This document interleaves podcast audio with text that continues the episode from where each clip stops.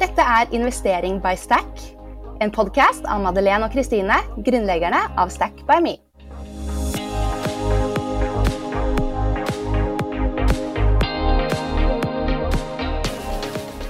Hallo, velkommen til Investering by Stack, podkasten hvor vi snakker om penger og investering. Denne podkasten er sponset av ABG Sundal Collier-stiftelsen Women in Finance. Ja! Hallo! Tungen rett i munnen der, Kristine.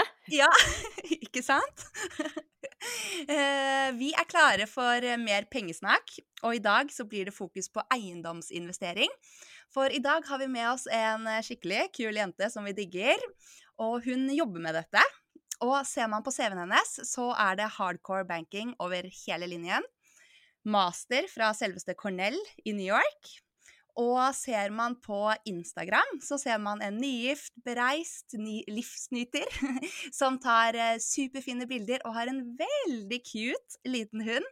Det er Martine Adolfsen vi snakker om her. Velkommen, Martine. Takk. Kjenner du deg igjen? Fortell, fortell eh, gjerne med dine ord, da. Hvem er du?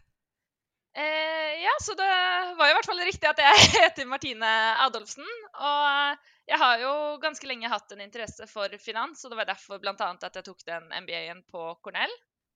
Eh, så flyttet jeg jo tilbake til mann og hund. Har jobbet i finans i ca. fire år nå. Eh, og sånn når det kommer til hobbyer, så hadde jeg jo litt hobbyer før jeg startet å jobbe.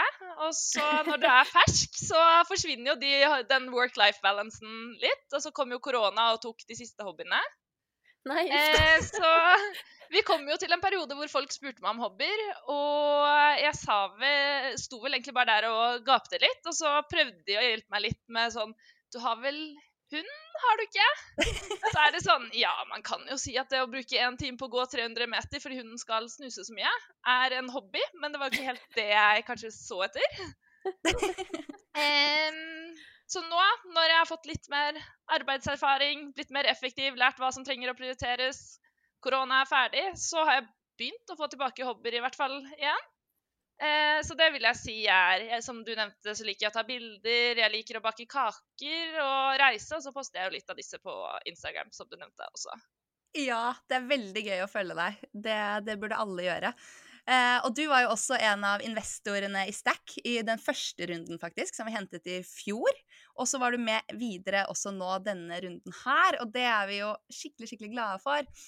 Og som du sier, du har jo hatt en litt sånn altoppslukende og veldig spennende jobb. Og vi hører veldig gjerne eh, litt om ja, hvor, eh, hvor, jobber du, og hva eh, Hvilket felt innenfor finans er du i?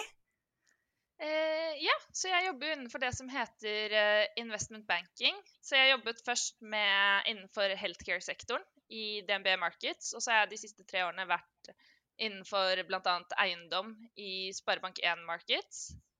Eh, og til de av dem som, eh, som, ikke vet hva investment banking er, så er jo dette da at vi hjelper selskaper med salg og oppkjøp av andre selskaper. Vi hjelper de å hente inn penger hvis de trenger det. Hjelper med børsnoteringer og utstede obligasjoner, bl.a. Ikke sant. Veldig eh, Og den eh, investeringen i Stack var jo ekstra morsom, fordi at jeg er jo innenfor finans, merker at det er jo veldig mange færre jenter her enn i en del andre sektorer, så jeg brenner jo litt for uh, å få flere jenter inn i finans. Så da jeg og søsteren min så etter å begynne med oppstartsinvesteringer, så var jo dette et perfekt første selskap å starte med. Åh, yay! det, ja, det er vi glade for òg, da. Og vi står jo for akkurat det samme, og det at vi kunne ha med kvinnelige investorer, er kjempeviktig for oss. Så win-win der. Og de som eh, Ja, det var bra du tok det med investment banking. Vi sa jo i introen her banking, og jeg tenker det er veldig mange som ikke vet hva det er. Det er litt sånn eh, Jeg skjønte jo heller ikke egentlig hva det var, for jeg begynte å jobbe i Pareto. Nei, jeg har blitt litt, uh, blitt, vant til å måtte forklare hva jeg jobber med. Uh, så må jeg ofte forklare hva mannen min jobber med også, for han er jo osteopati. Han er osteopat og jobber med osteopati. Og den er litt vanskeligere for meg, da, for der skjønner ikke jeg helt heller hva han uh, driver med. Men jobben min, den skal jeg i hvert fall klare å forklare. Ikke sant? Og um, hvordan Vi har jo skjønt Fordi du kommer fra en uh, såkalt eiendomsfamilie, hvis man kan kalle det det. Um, så vi syns jo det er veldig sånn uh, morsomt at du har valgt å gå litt sånn i samme retning selv. Og hvordan du uh, Ja, har du noe, liksom, noen tanker om uh, hvordan du har havnet i samme spor? så vi har jo, fra vi var små, fått veldig innsyn hva, i hva det vil si å jobbe innenfor finans og eiendom. Og eh, pappa hjalp meg vel allerede på ungdomsskolen og satte opp en sånn profil, sånn at jeg kunne begynne å handle i egne aksjer, for han ville at vi skulle bli interessert i dette.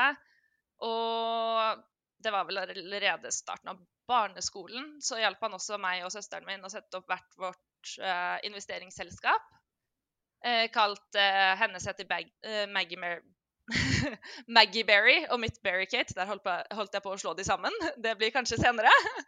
ja, jeg har jo eh, klart å tulle med de, som du vet. Men du heter Martine, så derfor har jeg bare tenkt at Maggie Berry måtte være deg. ja, så det, det er litt morsom historie med de navnene. For han spurte oss jo hva vi ville at selskapene våre skal hete. Og da hadde jeg akkurat lært om vikinger på skolen, så jeg ville jo selvfølgelig kalle mitt Viking. Heldigvis var det navnet tatt, er jeg veldig glad for i ettertid. Så da ble det selskapene våre oppkalt etter bamsene våre i stedet. Og de oh. da Maggie Berry, som var en hvit bjørn. Og så var det min som var Berry-Kate og var en uh, katt. Åh. så det er der de navnene kommer fra, da. Shit, det er veldig kult. Og de startet dere altså på barneskolen? ja, jo... så han har jo hele tiden da involvert oss og fortalte oss hva, hva, slags investeringer de har gjort. Men vi ble jo først at vi begynte å ta investeringsavslutningene i en litt eldre alder, da. For da gjorde jeg ja liksom, Vi ble dyttet inn i det med en interesse, da. Ikke sant. Og da ble det gjort liksom, investeringer via deres selskaper, som dere i starten ikke hadde så mye var involvert i, men, men uh, syntes det kunne vært kult å følge litt med? Var det det? Ja, og så forklarte han jo, jo hele tiden hva som skjedde i selskapene våre, og prøvde å vise oss liksom utregninger for ting. Og i starten var jo de litt kjedelige, for vi skjønte ikke så mye. Men det ble jo mer spennende etter hvert som vi skjønte mer. Kult. Eh, og som eiendom så var vel faktisk den første aksjen jeg tok og investerte i på helt egen hånd, var eh, Selvåg. Hei. Eh, så de aksjene har jeg fortsatt i dag, faktisk. Det er jo Selvåg bolig ikke sant, som bygger eh, ja. bygger vel både hjem og kontor? Eller er det mest hjem? Mm. Eh, jeg tror det er mest uh, boliger, ja. ja. Ikke og sant? det var For du sa du begynte med det allerede på ungdomsskolen? Ja, det var ungdomsskolen, ja. Shit, altså. Men jeg tenker jo faren din har jo vært veldig heldig som har to døtre som, er, som også syns det er kult, da. Eller har han bare vært så flink til å bare legge det frem riktig? Jeg tror jo det er litt som med alle yrker, at når du skjønner hva yrket driver med, så blir det jo veldig mye mer interessant. Ja. Det er jo litt sånn som når du vokser opp og ser hva lærerne gjør, så virker det spennende å bli lærer. Selv innså jeg jo at jeg er jo ikke glad i å snakke foran eh, folk, så lærer var jo sånn sett litt uaktuelt når jeg fikk tenkt meg om. ja, men eh, Åh, nei, det her var jo skikkelig fint. Men tenkte du var det noen andre som du kjente som hadde selskaper og snakket om dette her hjemme da, eller snakket ikke du? Var det liksom noe dere holdt hjemme, eller uh, har du venner som gjorde det samme? Um, det var ikke noe man snakket så mye om på ungdomsskolen. Men uh, under studiet, når jeg studerte økonomi, så ble det jo selvfølgelig mye snakk om det. Eh, på et tidspunkt ble jo festene nesten litt kjedelig, for det ble jo kun økonomi og aksjeprat. Ikke sant? Du lå jo allerede litt foran. Eh, men eh... Nei, nå glemte jeg hva jeg skulle si. ja. Men jeg vil jo bare si at dette her må jo være en oppfordring til alle som nå er småbarnsforeldre. Eh, det er jo mange av lytterne våre som er det.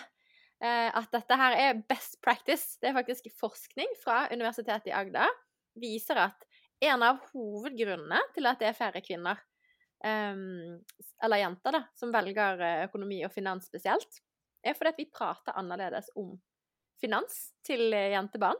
Så til jenter så er det typisk liksom økonomi og budsjettering og liksom husholdningsøkonomi. Og så til gutter så er det mer sånn investering, tjene penger, bygge seg opp, da, som er fokuset. Så mm. kudos til pappaen din, Martine.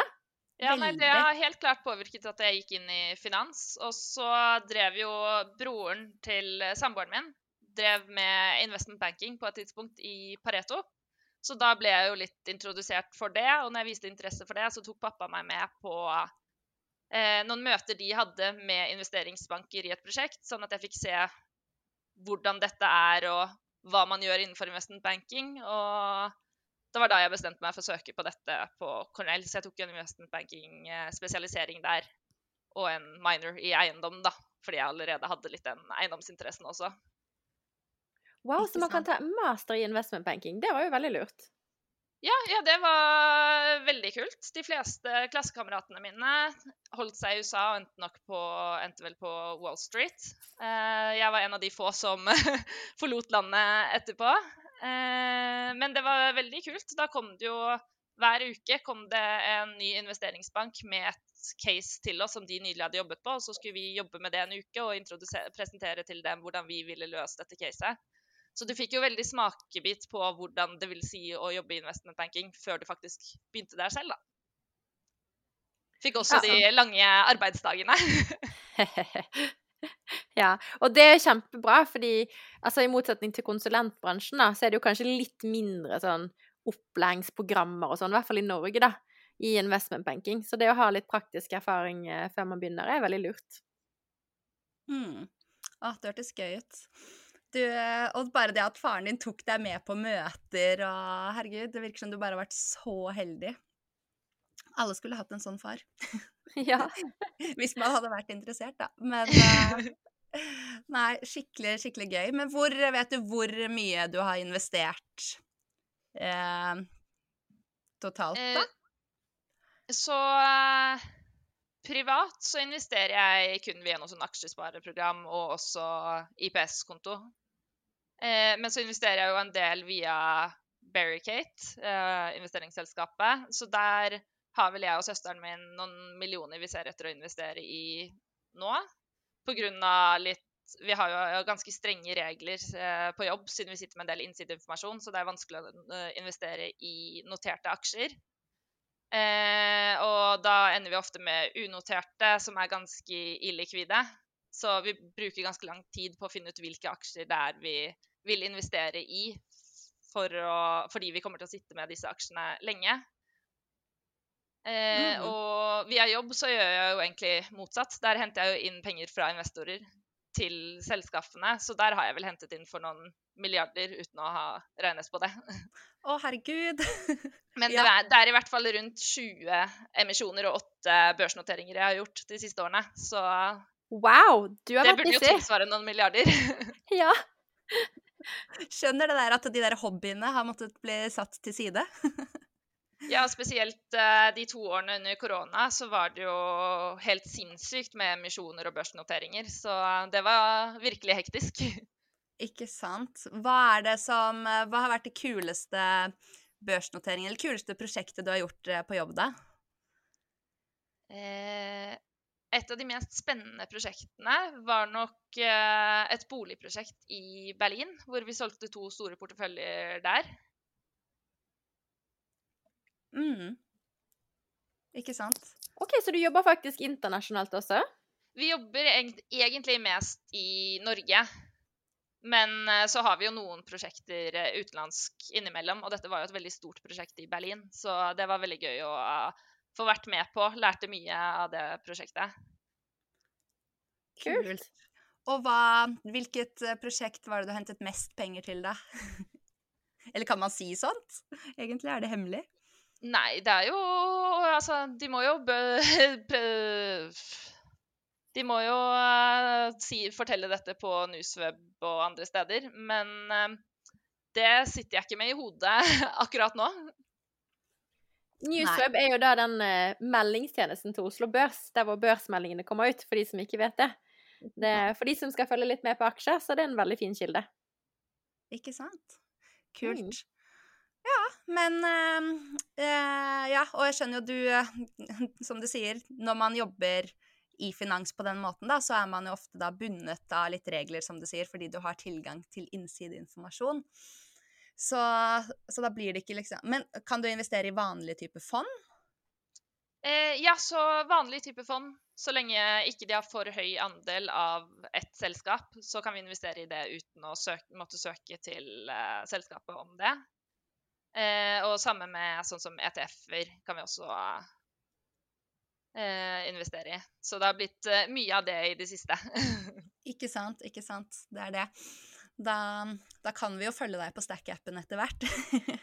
Ja, jeg har, jeg har noen ETF-er der jeg tenkte, egentlig tenkte jeg skulle investere i på Black Friday, for da så jeg at det ikke var noe fi på det. Men eh, det ble dessverre glemt, så de investeringene kommer snart.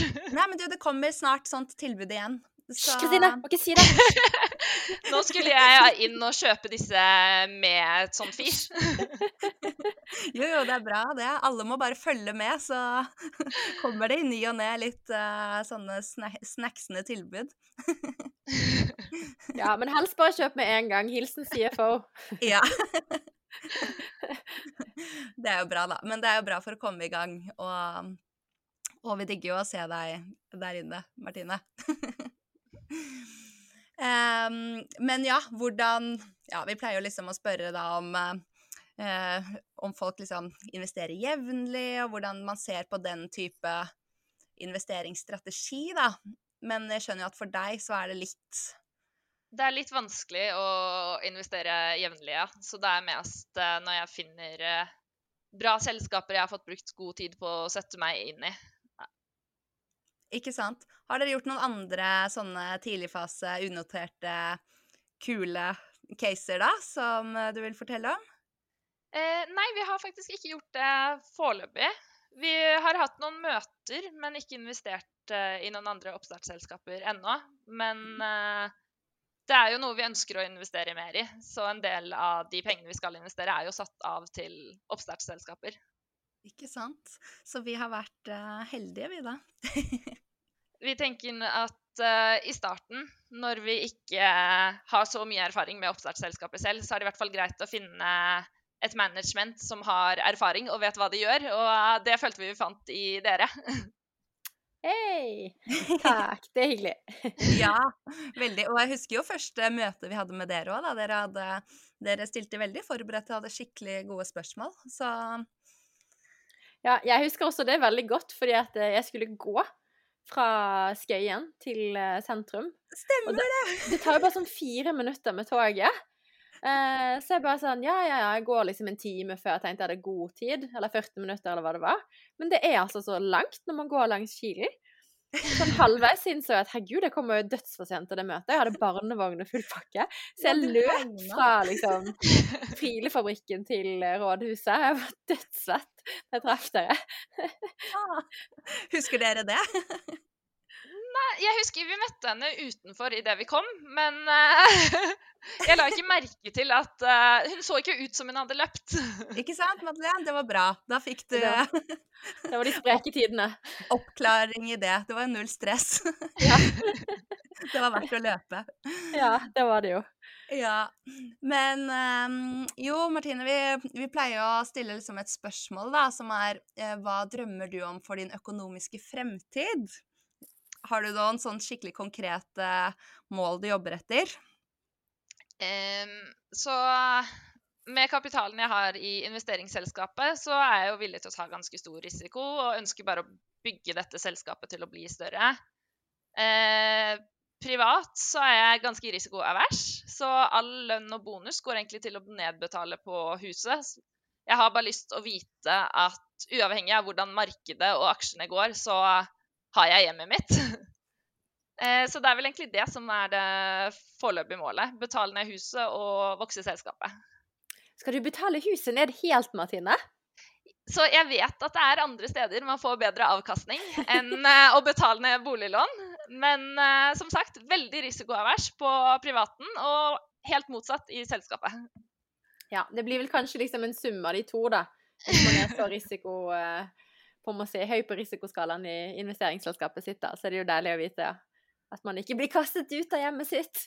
Han der eh, traderen fra Arendal, han som drev med sånn eh, eh, sånn elekt elektrisitetssertifikater og Hva het han nå igjen? Einar Aas, var det ikke det han het? Jo. Ja, jeg tror han hadde vært glad for at han, om han hadde hatt hjemmet sitt separat fra investeringene. Ja, ikke sant. Ja, fordi hvordan er det? Fordi du sier personlig så er du risikoavers, men i selskapet ditt, det er jo også ditt. Ja, Hva er det som er så stor eh, forskjell på det, da? Foreløpig så jobber jeg jo et annet sted å få lønn derfra, så målet med selskapet er jo bare å vokse dette stort, ikke å ta ut noe kapital der. Ja. Og så hvis jeg på et tidspunkt begynner å jobbe fast i selskapet mitt, så må jeg jo selvfølgelig begynne å ta ut litt lønn for å overleve. Men eh, jeg har ikke som mål å tappe det selskapet. Nei, ikke sant. Veldig kult å ha det ved siden av. Ja, og det som er også en av våre også nye investorer eh, fortalte Kristine, det er at eh, hun har jo belånt opp masse i sitt AS. Um, og det er jo non-recourse, altså det vil si at så selv om investeringene der går gale i AS hennes, så har det på en måte ikke noen implikasjoner for henne privat. Mm. Det er på en måte, det lånet kan aldri liksom ta huset hennes. Nei. Så det er jo en av fordelene med å ha et AS, da, at det er liksom en egen juridisk enhet. Gjør man Ja. alle investeringene på privaten og belåner opp investeringene privat, så kan man jo plutselig ha krav på hus og bil og eiendeler, ikke sant? Mm. Ja, jeg skjønner. Det er jo egentlig en kjempestor uh, forskjell på, på privat og i et AS. Man burde jo Ja, da burde man jo ha det. Hvis man skal ta sånn skikkelig risiko og ha litt penger, da. Mm. Ja. Ja, nå skal det jo sies at de fleste aksjer, hvis du kun investerer i aksjer, så går det jo ikke under null. Så da må du i så fall ha lånt opp for å ha den risikoen for å gå i minus. Ja, så det var, eh, det var masse lån der, da. Til folk som jobber i private equity eller i fond og sånn, får jo ofte tilbud om det. Å låne opp ganske kraftig for å kjøpe seg inn i fondet. Mm. Og når det da går bra, så går det jo veldig mye bedre. Men til gjengjeld så er det jo veldig høy risiko. Ja, og da er det vanlig at man setter, lager et AS, sånn at man tar det i AS-et, og ikke tar det lånet personlig. Mm. Ja. Det er jo veldig dumt. Eller da skjønner jeg man hadde kanskje sovet litt eh, eh, dårligere på natten. Ville jeg gjort, i hvert fall. Ja. Men, eh, men ja, jeg vil si at eh, bare sånn for å repetere det, da, at stekk eh, for de aller fleste som på en måte har kommet under 60% belåning, i hvert fall, da, når man ikke engang trenger å betale avdrag på huset, så er det jo for de, for de aller fleste mest lønnsomt da å heller bruke de pengene på å investere eller gjøre andre ting, da, fordi boliglån er typisk den billigste finansieringen man kan få, og den er ganske trygg fordi banken er veldig sjeldent ute etter å, å hive deg ut eller tvangsselge huset ditt. Så de vil jo ofte liksom gå ganske langt for å hjelpe deg med å betale det ned, da. Um, så ja. Så det er på en måte der Det det sterk anbefaler, da. Men uh, selvfølgelig, hvis man allerede har opparbeidet seg litt på siden som man investerer med, så kan jo det være neste steg, da, som, man, som gir litt sånn økonomisk følelse av trygghet. Det er jo ikke til å kimse av det heller. Mm. Det er det.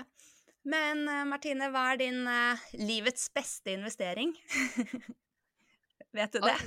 Den er vanskelig. Jeg pleier jo ikke å sitte og regne på avkastningen når jeg selger og kjøper aksjene, eh, fordi det har gått så lang tid imellom, som regel. Ja. Men eh, jeg må nok kanskje si den første leiligheten jeg kjøpte. Eh, den doblet seg jo i verdi, i tillegg til at den hadde en hybel. Så da dekte jo den hybelinntekten mye av kostnadene mens jeg bodde der også. Ikke sant? Det der føler jeg jeg har hørt før. Ja. Det er veldig mange som eh, eh, har vært heldige med, med, med eiendommen sin. Mm, ja, så får vi se hvordan eh, det går videre. Med, nå er det vel seks rentehevinger som har vært det siste året. Hevet med, sentralbanken har vel hevet renten med rundt 2% Ja. Så det vil jo kunne påvirke eiendomsprisene, både boliger og næringseiendom. ja, absolutt. Hva er din eh, profesjonelle tolkning der, da? Hva tror du fremover? Eh, altså På boligprisene så syns jeg det er vanskelig, i hvert fall i Oslo, å skulle si hvor de går. For du har jo faktorer som trekker alle veier, med både inflasjon, høyere renter, men også at det bygges få boliger i Oslo. Og så er det jo litt usikkert nå på de nye skattereglene som kom, om du kommer til å måtte skatte på å bo i din egen bolig, så vil jo det kunne påvirke prisene også. På næringseiendom så har jo prisene falt en del pga. at gilden har gått opp. Um, det må du forklare. Hva er yield? Ja, så det er jo da leieinntektene eh, delt på investeringsverdien. Mm. Eh, så når eh, renten stiger og det blir dyrere å låne, så vil også yielden stige, og da vil eiendommene blir verdt mindre.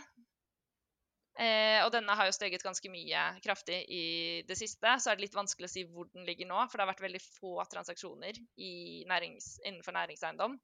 Fordi selgerne vil jo ha prisen du fikk for et halvt år siden, mens mm. kjøperne har jo lyst til at uh, de nye kostnadene skal reflekteres. Og, så det tar nok en stund før uh, man blir litt mer enig om hvor yield-nivået skal ligge. Ja, det gjør jo fort det. det. Jeg husker det var litt sånn i begynnelsen av covid også, med, med Nei. Da var liksom alle kjøperne og selgerne uenige om hvor prisingen skulle ligge. Men så løsnet det jo veldig fort, da. Ja, ja, de finner jo ut av det etter hvert. Det bare tar litt tid å bli enige, og transaksjoner som var i gang da, stopper jo kanskje litt opp for å se hvordan dette går videre. Mm. Ikke sant. Ja, nei, det blir eh, spennende å se fremover. Men hva er din eh, dårligste investering, da? Vet du det? Eh, det må være deler av den IPS-investeringen eh, jeg gjorde i januar. Jeg var litt sent ute med IPS på, i desember i fjor. Holdt på å miste siste frist for å sette inn, så da tenkte jeg at nå skal jeg være tidlig ute i 2022 og gjøre dette i januar, så jeg ikke glemmer det.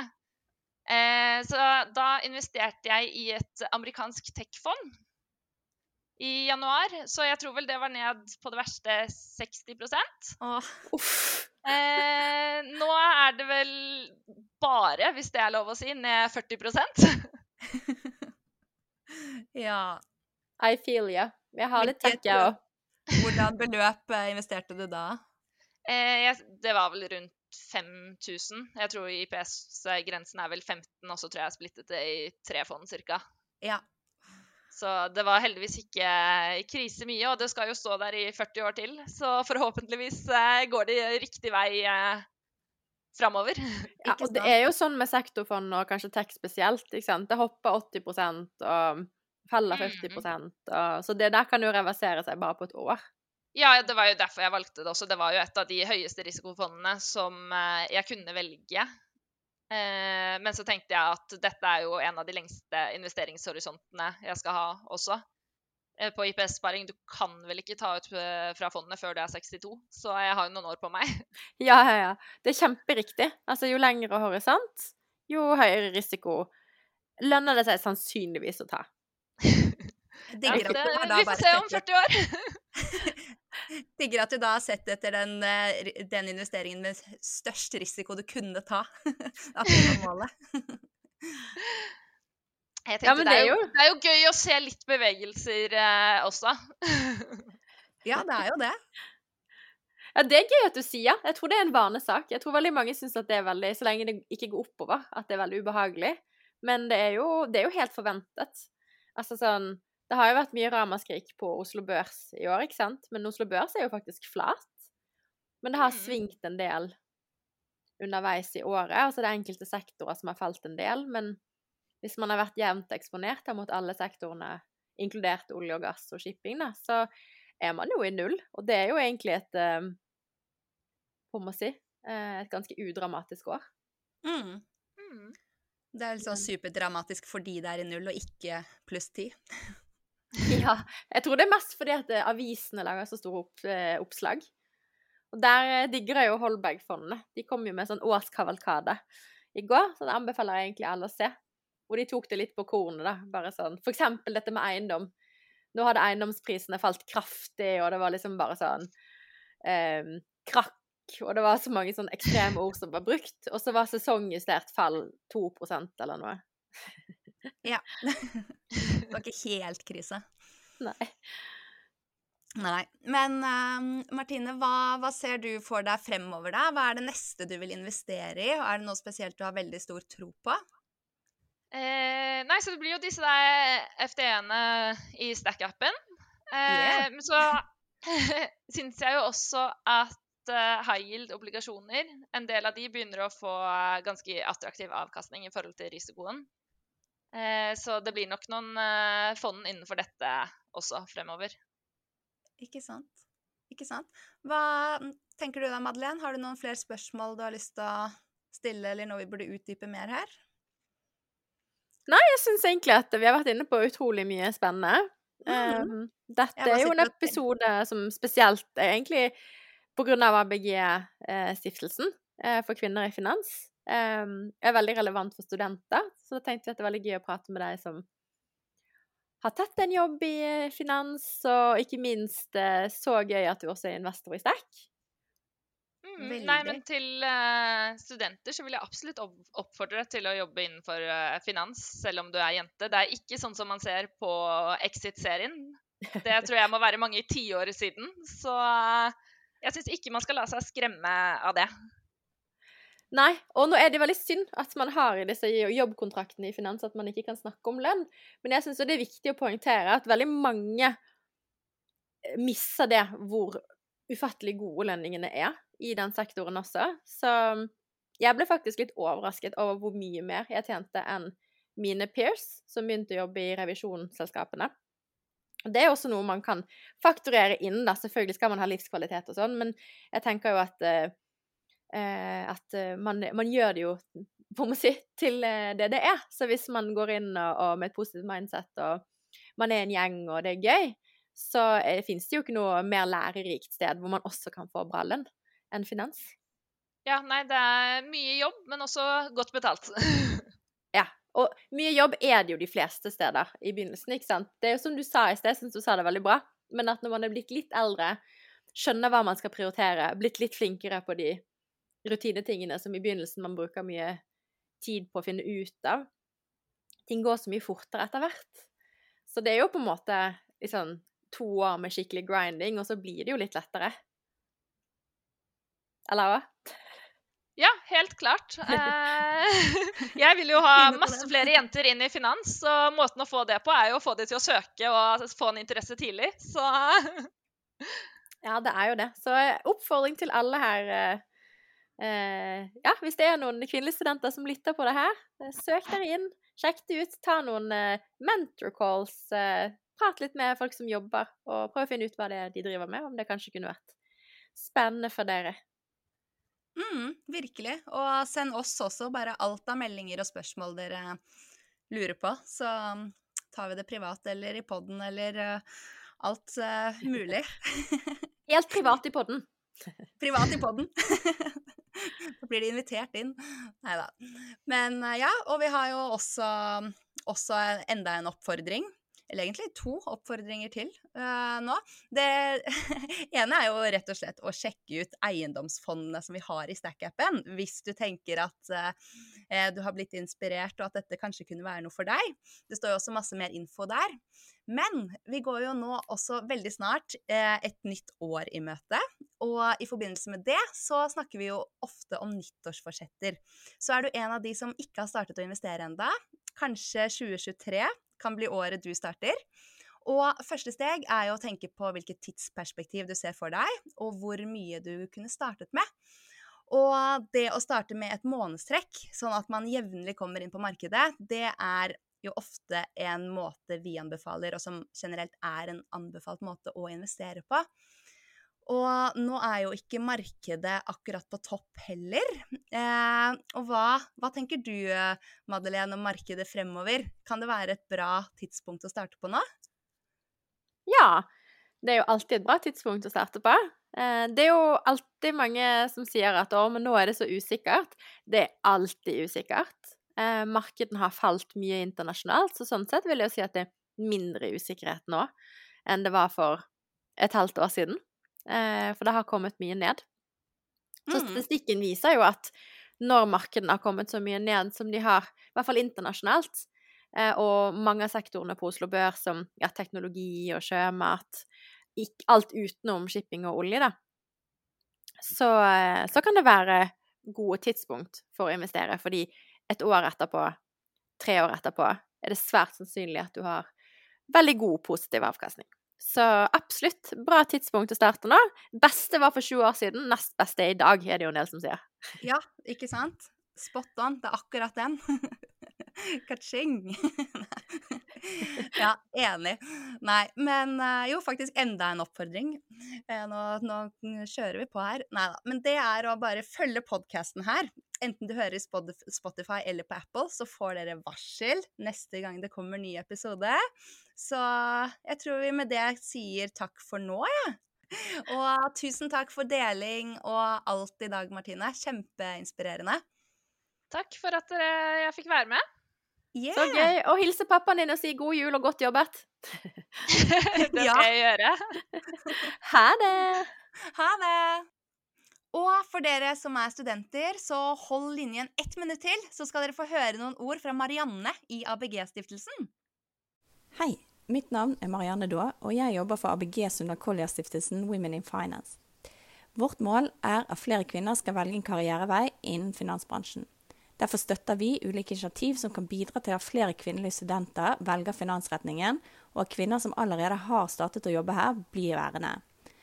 Vi må bl.a. bidra til at unge jenter og kvinner får nok informasjon om de mulighetene som finnes i finans, slik at når valget om karrierevei skal tas, er en karriere innen finans et av alternativene. Det finnes mange grunner til hvorfor en finanskarriere er et godt valg.